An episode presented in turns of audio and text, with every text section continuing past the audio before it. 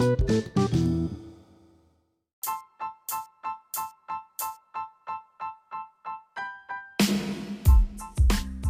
semua, ketemu lagi dengan saya Testia Afilah dengan NIM 106220065 dan teman saya Maria Ajeng dengan NIM 106220044 akan membahas tentang bab 7 mengenai Perang Dingin, Serikat dan Uni Soviet menjelang berakhirnya Perang Dunia II. Dikutip dari Ensiklopedia Britannica 2015.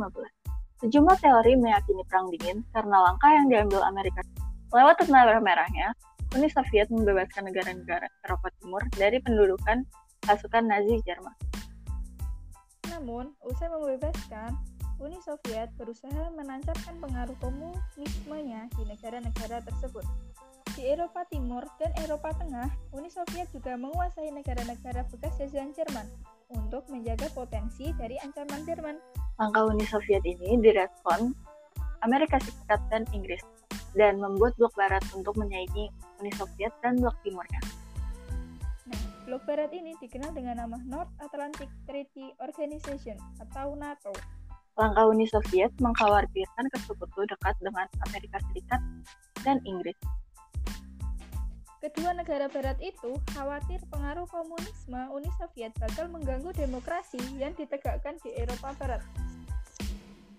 Uni Soviet memang berusaha menyebarkan ideologi komunismenya ke seluruh dunia. Sementara, Uni Soviet ini punya fakta Warsawa yang menyatukan Uni Soviet dengan Albania, Bulgaria, Cekoslovakia, Jerman Timur, Hongaria, Polandia, dan Rumania. Di dalam Perang Dingin, negara-negara terpecah menjadi dua blok, yaitu blok barat dan blok timur.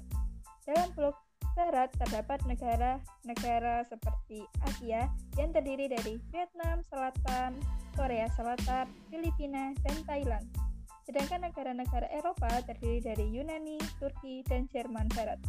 Sementara negara Amerika terdiri dari Meksiko dan Kanada. Dalam blok timur, terdapat negara Asia, yaitu Vietnam Utara, Korea Utara, Kamboja, Laos, dan Mongolia.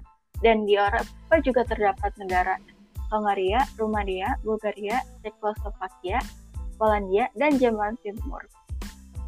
Di dalam Perang Dingin terdapat pembentukan fakta pertahanan blok barat, seperti Nata, Anzus, Sito, dan Mito. Sedangkan di blok timur terdapat fakta Warsawa. Dan pembentukan Kominform di Beograd, Yugoslavia sebagai kerjasama Partai Komunis Eropa. Nah, tentunya saat Perang Dingin juga terdapat bantuan ekonomi, seperti Blok Barat memberikan Marshall Plan, Doktrin Truman, dan Blok Timur memberikan Molotov Plan dan Comecon. Dan mereka juga melakukan perlombaan senjata nuklir.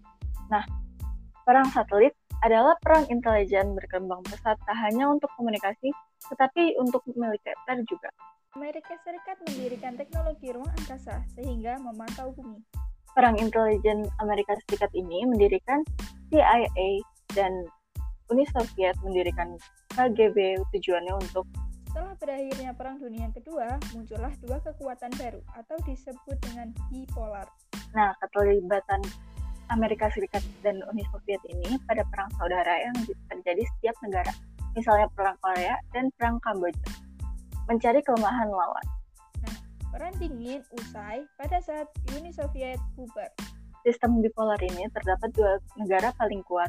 Ada kaitannya dengan mengemukakan konsep balance of power oleh Kenneth Walsh dalam bukunya yang berjudul Theory of International Politics. Sekian dari kami, mohon maaf ada salah penggunaan kata-kata dan semoga berguna bagi kalian. Saya Tasya Bilah dan saya Maria Ajel. Undur diri untuk topik penyelesaian tugas sejarah dunia modern. Dadah. Terima kasih. Dadah. Terima kasih.